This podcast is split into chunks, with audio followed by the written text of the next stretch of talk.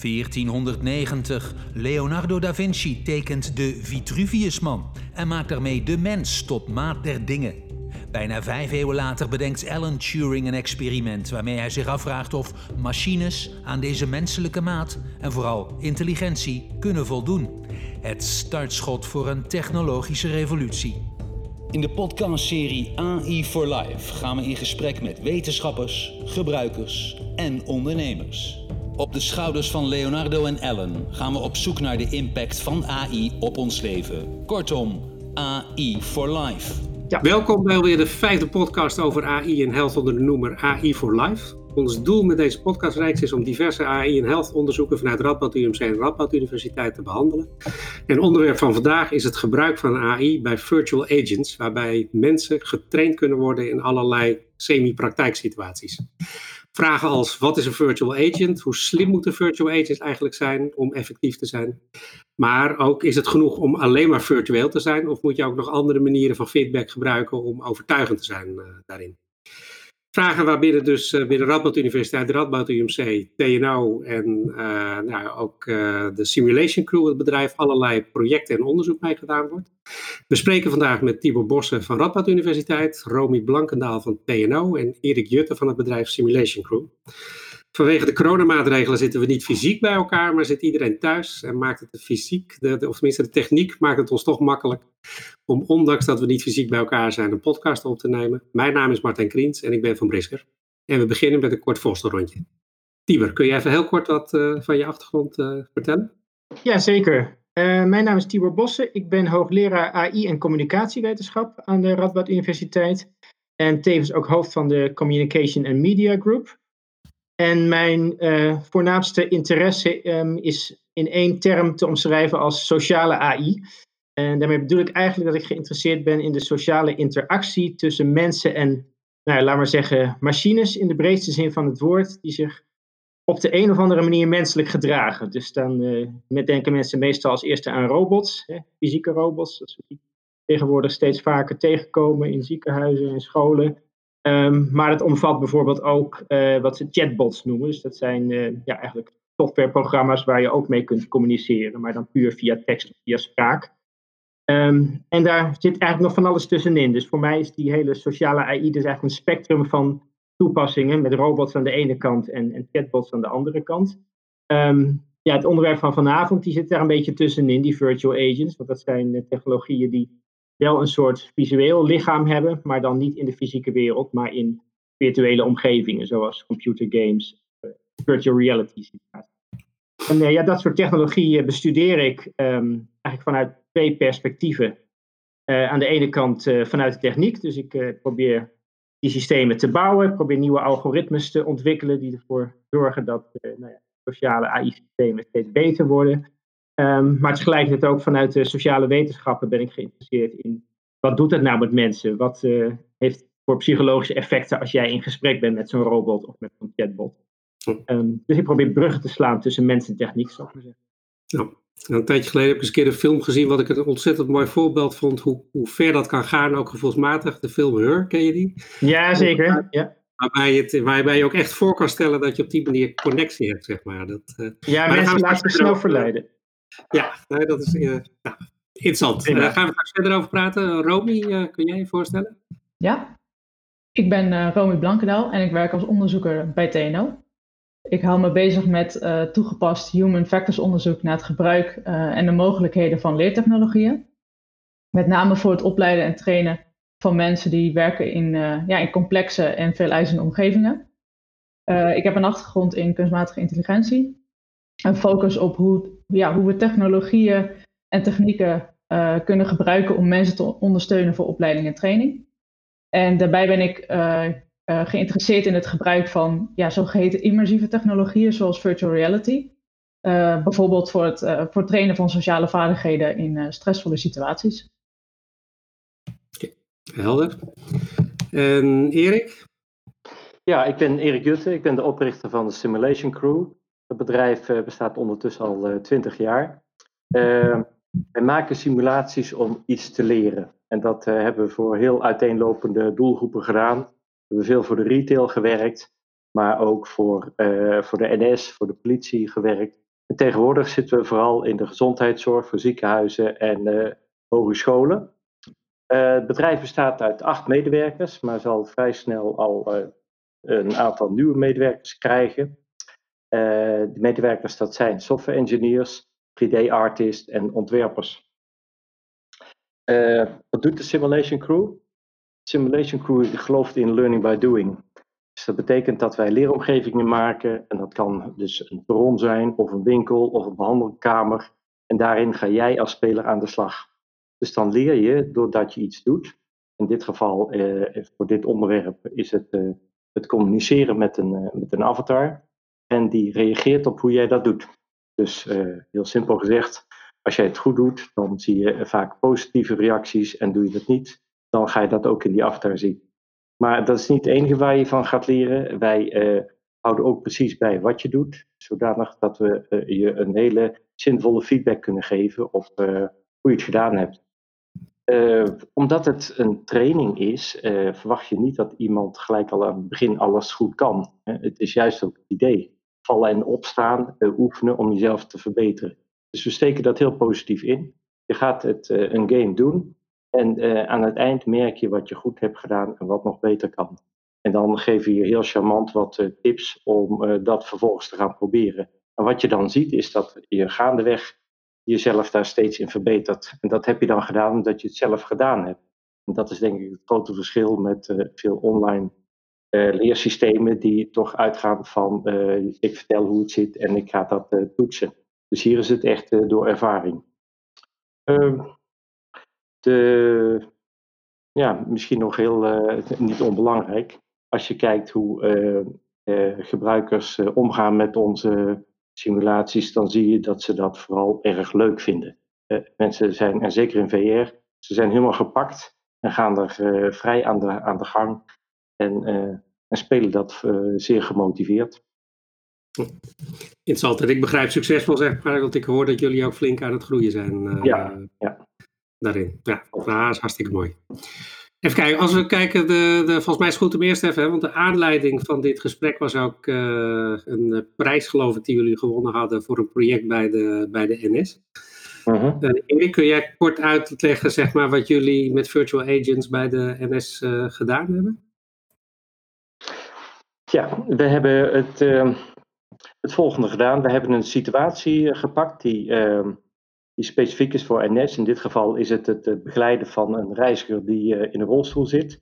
Als die in de trein moet worden geholpen, dan, uh, dan moet je een aantal dingen doen. Dus de procedurele zaken als die brug pakken en wat communiceren met de conducteur. Maar van groter belang is hoe je omgaat met die reiziger. En die reiziger die is een beetje zenuwachtig. Dus je moet haar op haar gemak stellen. En uh, dat moet je dus doen door uh, interesse in haar te tonen, een praatje te maken en ook vooral te zeggen wat je gaat doen. Uh, nou, dat kun je vervolgens in die game zelf toepassen.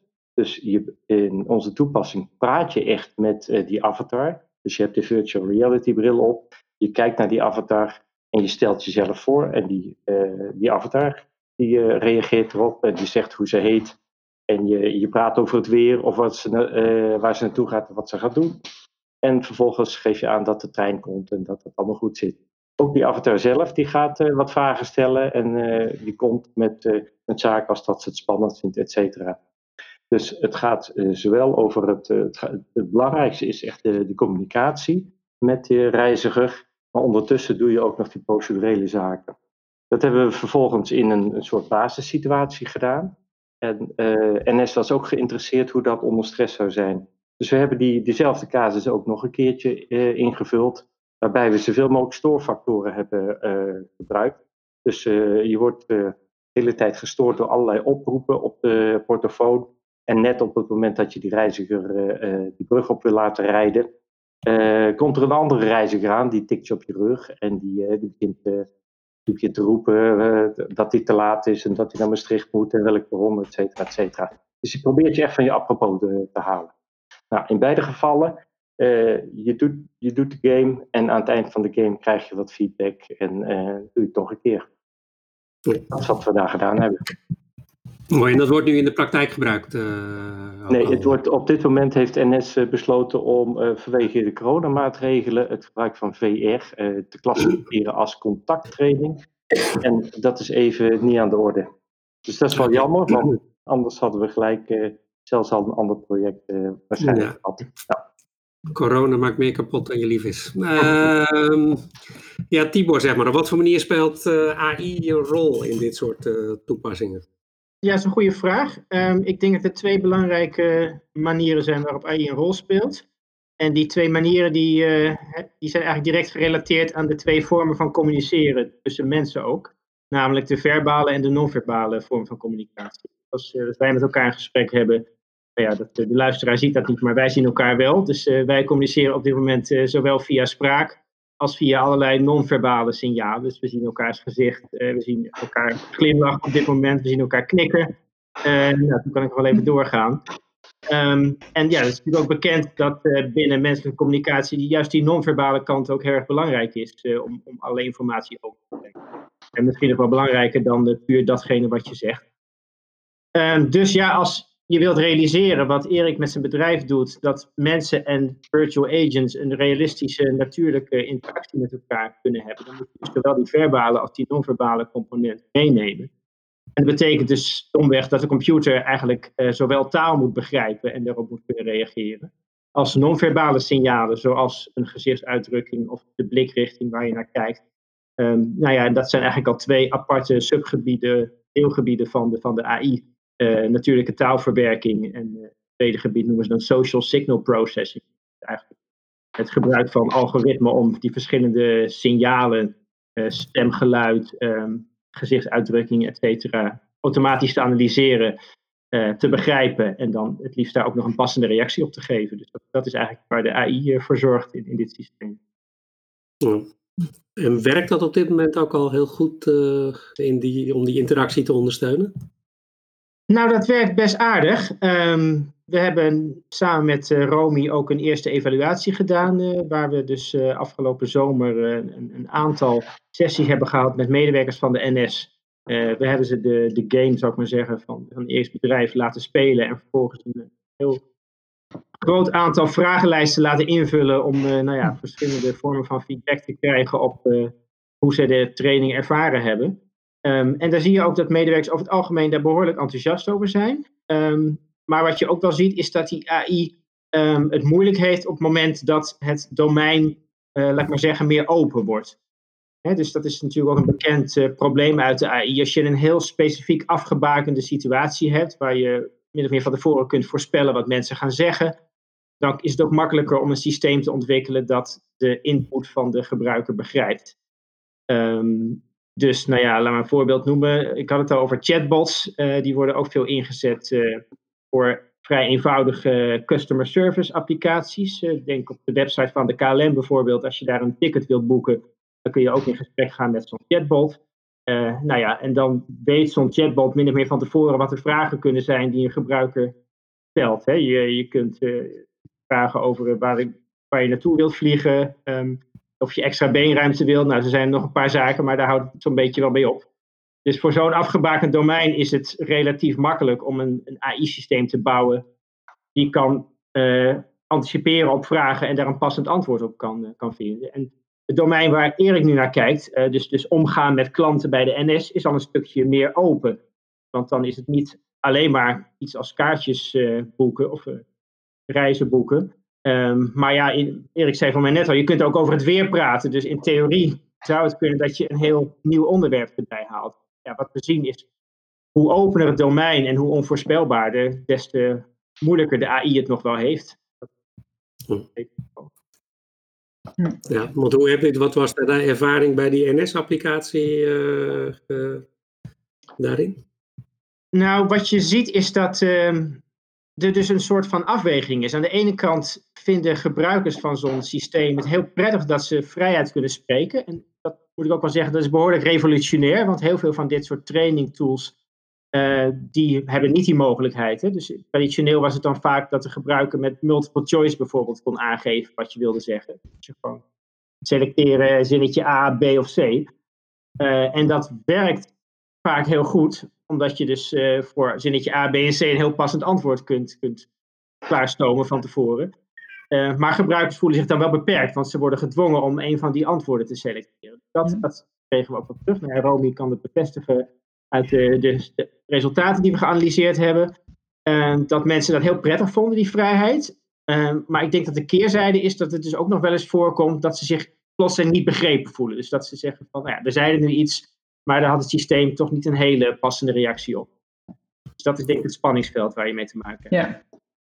Maar filterden jullie dan als het ware zeg maar uit het antwoord wat iemand gaf, dat je daarmee zeg maar dat keuzemenu zelf invulde? Of is het nog wel breder dan dat? Uh... Nee, we hebben niet eens een uh, keuzemenu.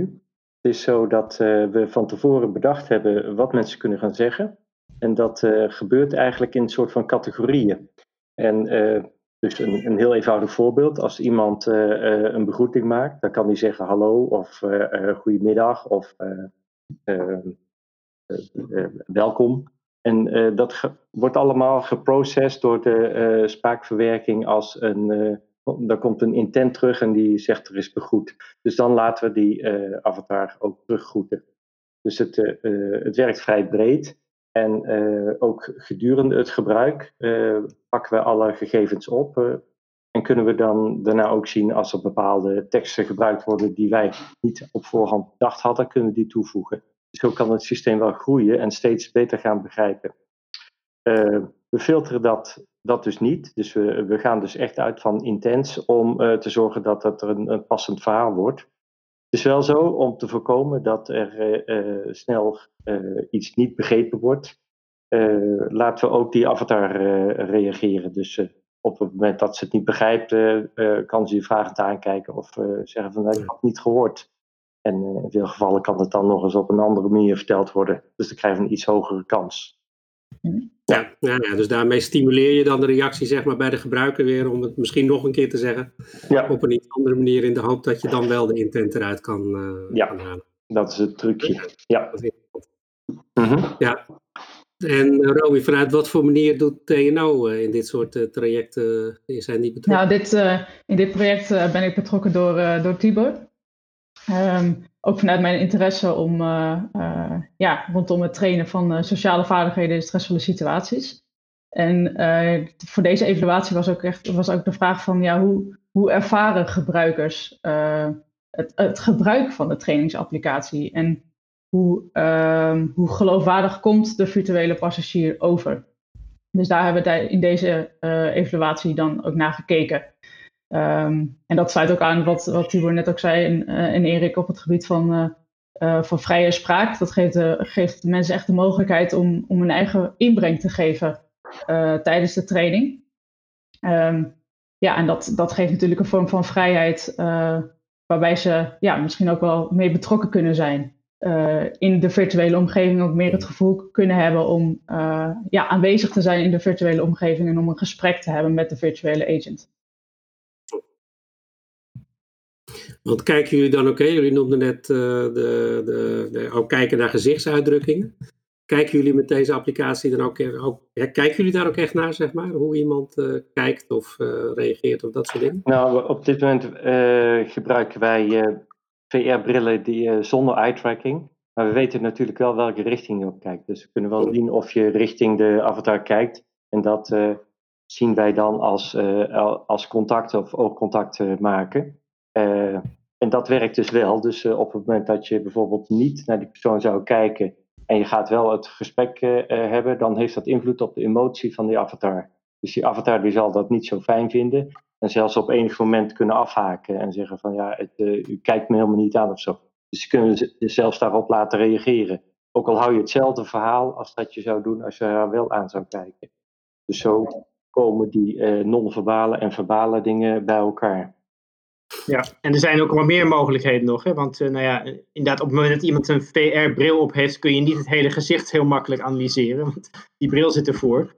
Uh, maar wat je bijvoorbeeld wel kan doen, en daar kijkt Erik ook wel naar, is naar de intonatie in de stem kijken. Op het moment dat mensen toch spreken tegen zo'n systeem, dan kun je daar ook een, uh, een algoritme op loslaten. En dan wordt gekeken naar zaken als de snelheid waarmee je spreekt, het volume, het aantal haperingen in je stem. En en dat zijn ook weer allerlei indicatoren voor, voor bepaalde emoties. Uh, of mensen Ja, dat is, dat is zeker waar. Dat is heel interessant. We hebben dat voor het Radboud UMC gedaan. Daar hebben we voor uh, de afdeling anesthesiologie, Geert-Jan van Geffen, hebben we een VR-toepassing gemaakt over, om het trainen in patiëntcomfort en communicatie. Wat je daarin moet doen is in eerste instantie spiegelen en matchen met de patiënt. Nou, dat doe je dus verbaal, of vooral non-verbaal natuurlijk, door dezelfde houding aan te nemen en dezelfde armbewegingen te maken maar ook verbaal met je stem om uh, je stem te matchen. En er is bijvoorbeeld een casus van een, een patiënt in, het, in de wachtkamer die gefrustreerd is en die staat op en die begint een beetje tegen je te tieren. En daarin is de bedoeling dat je ook je stem verheft. En dat meten we dus via een, een, een plugin die we gebruiken daarvoor. En die analyseert het, jouw volume. En als je dus gewoon op de rustige manier die patiënt tegemoet treedt, dan gaat ze uiteindelijk niet mee.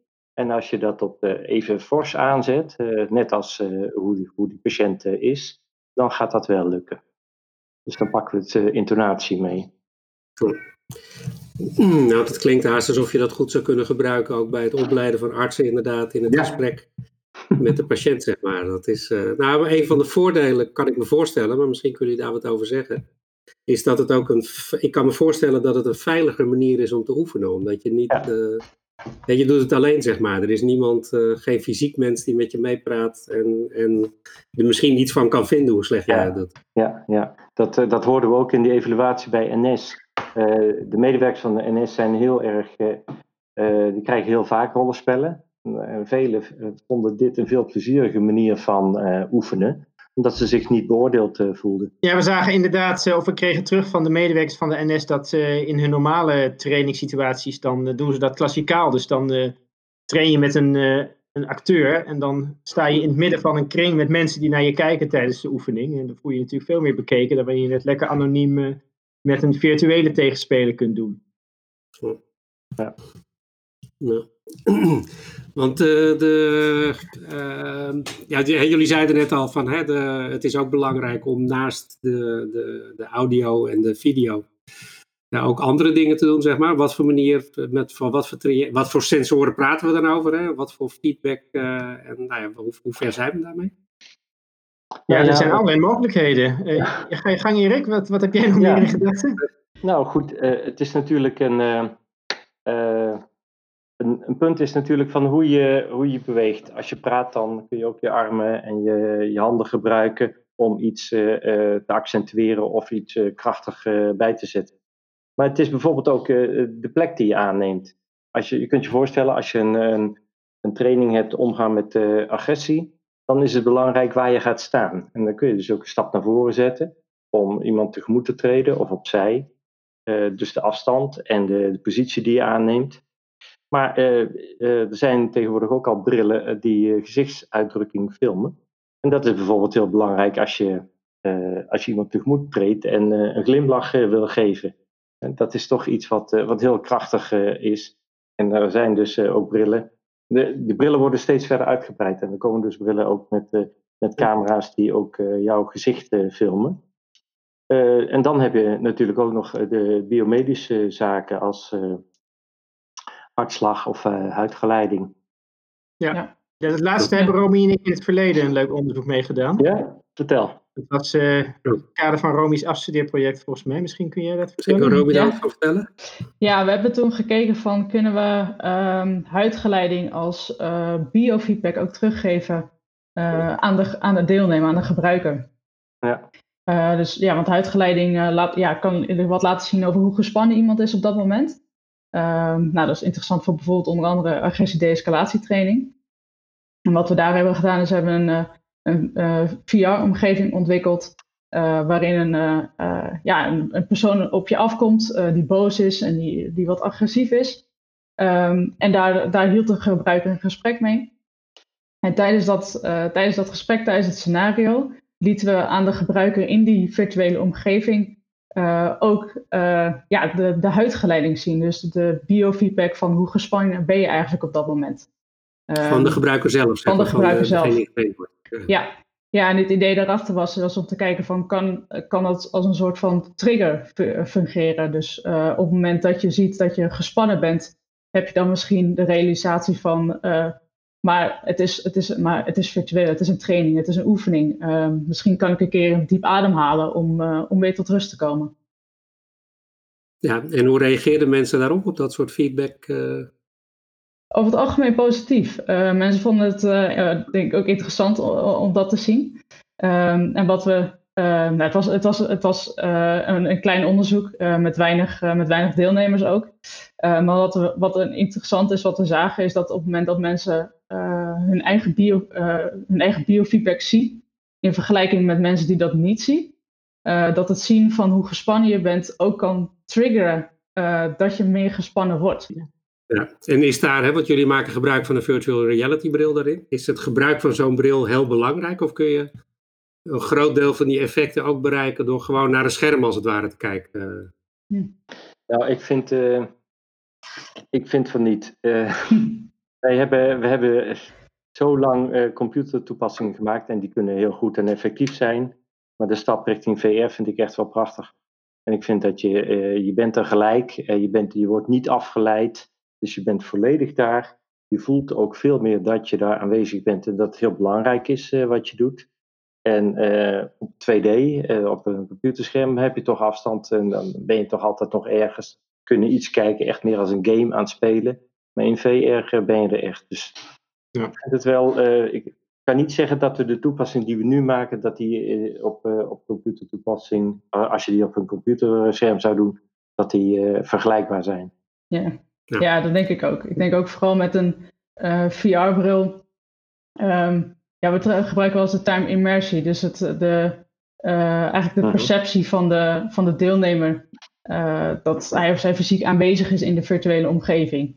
Dus dat je eigenlijk een soort van onderdompeling hebt. Um, en dat je het gevoel hebt ook in een andere werkelijkheid te zijn. En ik denk dat dat wel een meerwaarde is van een VR-bril. Ja, nou, zeker bij die, bij die stressvolle situaties waar we het net over hadden. Hè? Dus ik kan me wel voorstellen dat er misschien voorbeelden van scenario's te verzinnen zijn waar dat, die echte immersie nog niet zo belangrijk is. Maar iets als agressietraining, ja, in werkelijkheid sta je ook heel dichtbij iemand en heb je altijd die fysieke dreiging een beetje, die mogelijkheid om een klap voor je kop te krijgen als iemand te boos wordt. En dat wil je zoveel mogelijk benaderen. En het is natuurlijk hartstikke lastig om dat in een simulatie te doen, maar in VR voelt het al wel weer veel echter als iemand boos op jou wordt die vlakbij je lijkt te staan dan op een plat computerscherm. Ja. Ja. ja, wat ik zelf altijd heb, als ik kijk naar uh, bijvoorbeeld mijn zoon, hè, als ik ja, kijk hoe die aan het gamen is, zeg maar. Uh, een van de dingen, maar misschien is dat, dat weet ik niet helemaal zeker, maar ik heb het gevoel dat als je bijvoorbeeld kijkt naar games, dat de VR-brillen daar niet ontzettend doorbreken, omdat de praktijk is dat kinderen zelf al heel erg immersive in dat spel zijn. Uh, ook gewoon met die controller en dat scherm voor zich. Ja. Maar is dat dan specifiek wat andere situatie? Nou, ik, ik denk dat ook een rol speelt dat uh, tegenwoordig, wij werken eigenlijk alleen met brillen die standalone zijn. Dat betekent dat je er geen computer aan hebt. En de, dat dus alles moet, uh, alle rekenkracht in de bril zelf moet zitten. Er zit natuurlijk ook een computertje in. En uh, als je weet wat, jouw zoon speelt, is waarschijnlijk wel heftig spul, wat echt van een, een, een, grote computer vereist. En niet uh, wat niet zomaar in een, uh, in een eh, VR-bril zal passen. Ja. Oké, okay. um, is een vraag die ik aan jullie alle drie wil, wil stellen, want we komen een beetje aan het eind richting de tijd. Hè, waar denken jullie dat dit soort ontwikkelingen als virtual agents en het gebruik daarvan, zowel voor hoe slim ze zijn als wat voor toepassingen, hoe zit dat over tien jaar, zeg maar? Waar gaat dat, waar gaat dat op afzienbare termijn? heen. Als je het hebt over 30 jaar, dan weten we het gewoon eigenlijk niet hoe lang. Maar 10 jaar is zo'n tijdstip van, nou, daar moeten we dan wel een beetje mee bezig zijn. Uh, om te beginnen, uh, Romy. Ja, leuke vraag. Um, ook waar we het in dit gesprek over gehad hebben. Dus de mogelijkheid om, om vrije spraak te gebruiken. Maar ook verschillende aspecten zoals intonatie, huidgeleiding en kijkrichting. zijn een aantal ontwikkelingen die bij kunnen dragen aan applicaties waarin mensen het idee hebben ook echt, ook echt contact te hebben met de virtuele agent. En in gesprek te zijn met de virtuele agent. En recentelijk heb ik samen met collega's gekeken naar hoe je het gedrag van virtuele agents tijdens een scenario adaptief kan maken, zodat het gedrag beter past bij de leerbehoeften uh, van de gebruiker. Bijvoorbeeld wanneer de gebruiker te dicht staat op de virtuele agent, dat de virtuele agent een, een stap naar achteren doet. Of vraagt, waarom, waarom sta je zo dicht bij mij? Nou, er zijn al applicaties met virtuele agents, maar de mate van, ja, van hoe slim ze zijn qua interactiemogelijkheden en adaptiviteit voor het trainen van sociale vaardigheden, is, vaak nog, is vaak nog wat beperkt. en ik hoop dat we in de komende tien jaar meer applicaties gaan zien met virtuele agents uh, voor opleiding en training, waarbij de interactie met, met die virtuele agents steeds beter gaat worden. En of dat ook ja, heel breed is qua toepassing uh, en dat veel mensen op die manier getraind gaan worden. Ik denk dat dat afhankelijk is van, van twee dingen. Aan de ene kant hoe snel immersieve technologieën zoals VR-brillen meer toegankelijk worden. Ehm, en aan de andere kant hoe snel uh, de technologie gaat wat betreft de software uh, voor het creëren van interactieve en adaptieve virtuele agents. En of we daar binnen tien jaar al zijn, uh, dat veel mensen op die manier getraind gaan worden, dat weet ik niet. maar het zou zomaar kunnen. Want jij gelooft dan ook helemaal dat zeg maar, die multimodaliteit, hè, dus inderdaad die, die verschillende sensoren gebruiken en manier van interacteren, dat dat veel belangrijker gaat worden? Ja, ik denk dat dat wel uh, echt ook wat bij kan dragen. Uh, en dat je ook echt dat gevoel van uh, immersie gaat krijgen. in de zin van dat je, ja, dat je het idee hebt om echt met een virtuele agent in gesprek te zijn. Oké, okay, en Erik? Ja, ik sluit me daarbij aan.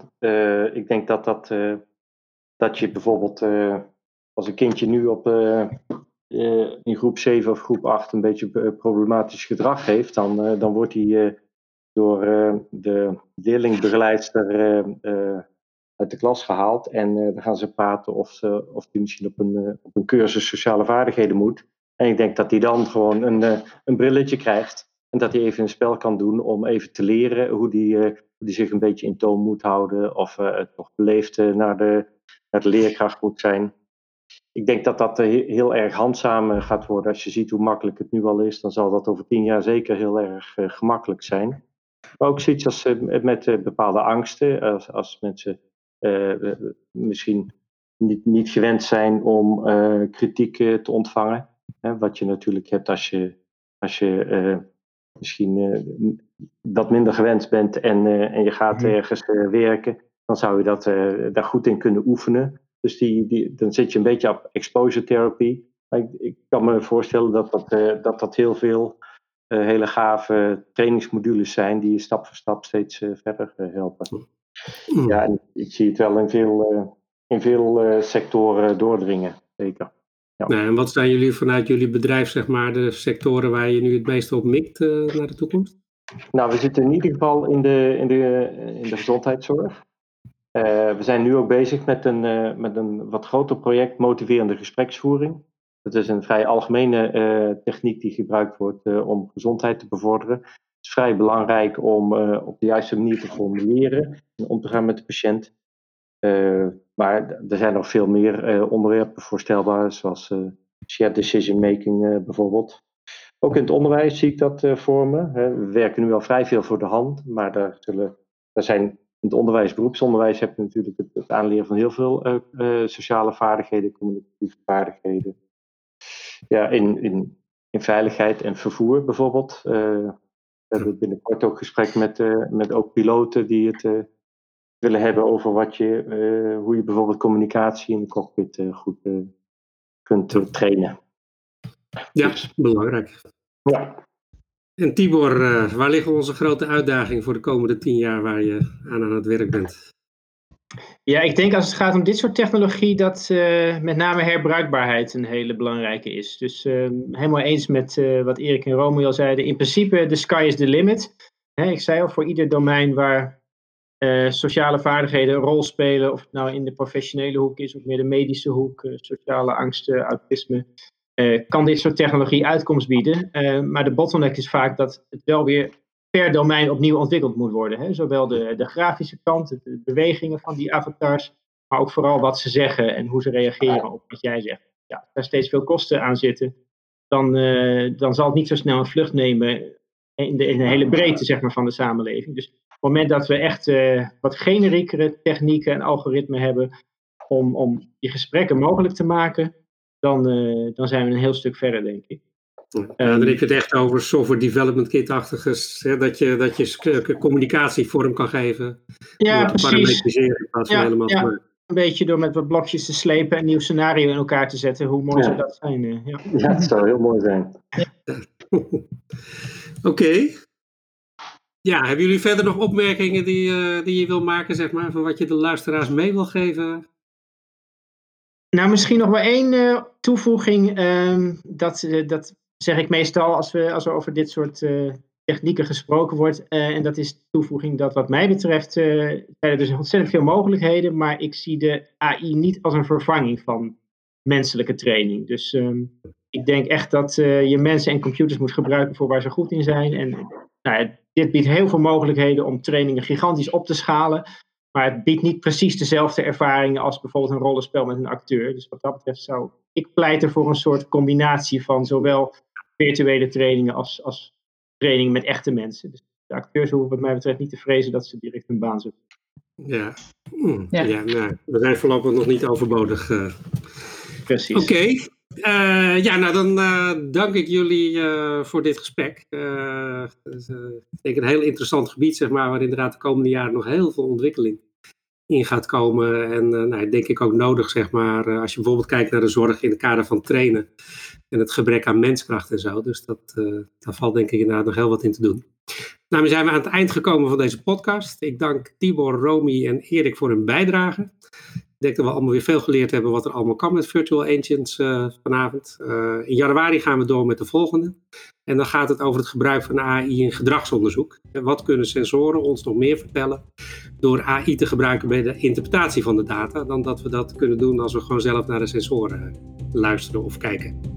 Ik, uh, uh, tot de volgende U keer. U luisterde naar een podcast van AI for Life. Maandelijkse praktijkverhalen vanuit Health en High-Tech Hotspot Nijmegen. En vanuit het regionale netwerk LifePort. Over hoe AI kan bijdragen aan betere kwaliteit van leven.